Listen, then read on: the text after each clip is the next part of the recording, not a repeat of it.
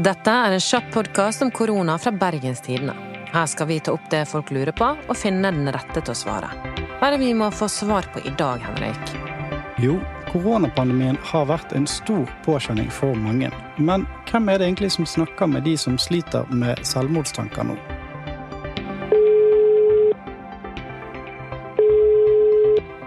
Hallo, det er Greta. Hei, Greta. Anna fra BT her. Hallo, Anna. Hei.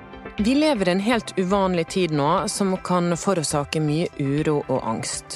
Og du, Greta Gramstad, er leder av Kirkens SOS nødtelefon her i Bergen. Her kan folk ringe inn og snakke med folk både på telefon og chat. Hvor lenge har du arbeidet med dette? Jeg starta å jobbe her i 1984, så dette har jeg gjort i, i nesten hele mitt liv.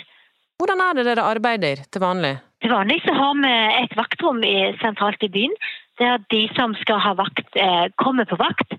Men nå sitter folk hjemme på kvalitetssikra vaktrom og, og, har vakt. De sitter jo én og én med den de snakker med, men de er også i vaktlag der de kan snakke med hverandre og støtte hverandre. Hvor mange er det som pleier å ringe inn til dere på en vanlig dag, da? Altså sånn I landet totalt så pleier vi å snakke med mellom mellom 300 og 400, av og til mer samtaler i døgnet på de tre kanalene våre. På telefon, på chat og på meldinger. Ja. Så hender det selvfølgelig av og til at det plutselig er veldig veldig mange flere, men det er på det jevne. Har dere sett noe nytt eller annerledes under koronatiden? Ja, det, det har vi. Vi tenkte jo at dette kom til å bli kjempevanskelig, fordi fra hver 1000 så ble vi redusert til hver 200 og hvordan skulle det gå? Og så vi, viser det seg at vi klarer å svare på like mye som før. Den store forskjellen er at samtalene er mye lengre. Så vi, vi bruker rett og slett mye mer tid i samtaler enn vi gjorde før. Samtalene er lengre, og det er mer samtaler om selvmord. Ja. Hvordan arter det seg? Ja, altså det, Et stikkord er, er, er følelsen redd. At veldig mange sier noe om at de er redd. De er bekymra noen er helsemessig bekymra fordi de er i risikosone. Mange har fått endra hverdagen sin og oppfølgingen som de hadde.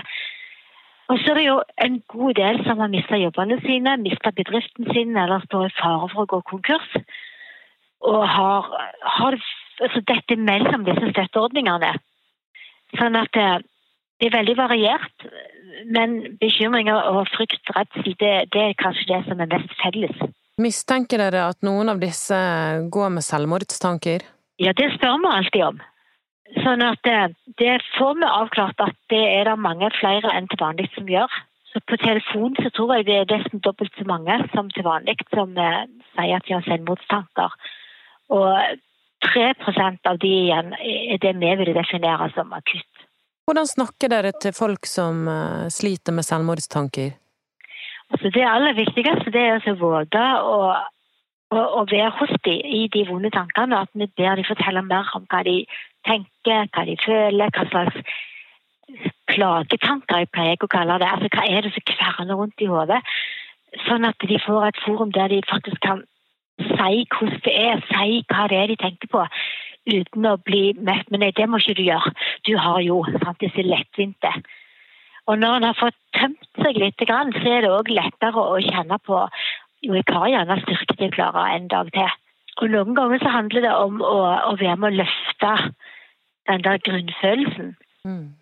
At det kan gjøre godt å snakke om noe annet, noe som har vært godt en annen gang, eller noe som er kjekt. Mens andre ganger så, så er det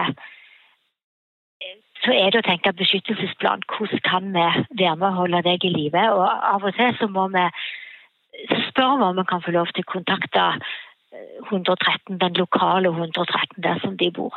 Fordi vi tenker at de, de må ha hjelp her og nå. Men det kan vi kun gjøre hvis de vil si hvem de er. Altså, ellers kan vi ikke det. Har dere opplevd det nå i koronatiden? Ja, det opplever vi alltid. Det er sånn Det hører med til det daglige. Eller på jeg SOS at vi opplever det. det. Pleier folk å gå med på det, at dere kan eh, ringe nødsentralen? Ja, noen går med på det, mens andre sier at det, det er det er det ingen vits i. fordi at det, altså gjerne De som har erfaring med det, kan si at de skriver meg bare ut igjen. Altså AMK henter, de blir lagt inn for ett døgn, og så blir de skrevet ut igjen og kommer hjem til tomt hus. Så vi mangler noe i Norge med oppfølgingen, særlig av de unge. At det er veldig få behandlingsplasser der de ligger inne. Noe er blitt litt smalt. En skal passe inn i den der behandlingsfirkanten. Og hvis en ikke gjør det, så sliter en. Og mange gjør ikke det. Er det mange unge folk som ringer dere? Ja, og veldig mange, enda flere som skriver, men også ringer. Er det noe fellestrekk hva, hva de sliter med? Av og til så tenker jeg at de unge, hvis du sammenligner med de godt voksne som ringer, så, så sagt litt sånn grovt kan du si at de unge ringer når de er i de traumatiske situasjonene som de gamle en gang var i. Hvis det gir mening. Ja. Nå driver jo vi med sosial distansering, og det er ikke så lett å kanskje fange opp om folk sliter. Men hva vil ditt råd være om man mistenker at man har folk rundt seg som sliter med, med selvmordstanker og har det tøft? Altså mitt, mitt, råd er å ta kontakt, spørre hvordan folk har det. Ha nettprat med dem. Gå tur med to meters avstand, hvis en kan det. Ehm, jeg tror mange har gjenoppdaget eh, den gode samtalen via telefon. Så det der å være, være med hverandre og så tåle å høre det som er vanskelig, så det er gjerne det som er mest skremmende for oss. Vi, vi, vil, vi vil, ikke at det skal være sånn, og vi blir redde. Dess gladere vi er i folk, dess reddere blir vi ofte. Mens det mange trenger, det er nettopp å ha noen å si det til. Mm. Ikke at vi skal finne løsningene for dem, men ha noen å si det til hvordan de har det. Er du bekymret for eh, dagens situasjon og folk som sliter? Ja, jeg er jo det. Det er, det er alltid mange som sliter og som hadde trengt å få hjelp. Så det er jeg alltid bekymra for, for det, sånn er det. Og det er jo, for så vidt sikkert enda verre nå i korona, fordi enda flere er alene, og enda flere er stuck i en relasjon som kan være voldelige vi hører jo stadig at en snakker om unger som, som nå ikke har friminutt med å kunne gå på skolen. Og Det er jo en skrekkelig ting at barn bor i så vanskelige familier at de trenger å komme på skolen for å få fri fra familiene sine. Så Det, det bekymrer meg. Og Samtidig så ser jeg jo også mange lyspunkt. At folk finner rom til å ta vare på hverandre og til å finne glede. Så det er jo gode ting òg. Altså, Norge er nok verdens beste land å ha en pandemi i. Er det noe sånn avslutningsvis eh, du kunne tenke deg å si til lytterne våre, Greta? Ja, det måtte være at det er normalt at livet er vanskelig. Det er jo ikke normalt å ha en pandemi, men det er normalt at vi er redde. Og det er lurt å snakke om det og støtte hverandre.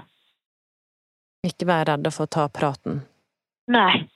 Mm. Og, og det er noe med 'ring en venn hver dag'. Det er et sånt fint slagord ta, igjen, ta, ta i bruk igjen den, den gammeldagse telefonen. Eller nettmøter. Ja. Og prate med folk. Tenk, dette med å være, som Gro Harlem Brundtland sa, vi trenger disse her kjerringene. Disse her som sto i vinduet og fylte med. Mm. De trenger vi jo nå òg. De som bryr seg, selv om de ikke er slekt. Tusen takk for praten, Greta. Lykke til med det viktige arbeidet. Tusen takk. Ha det. Ha det så godt.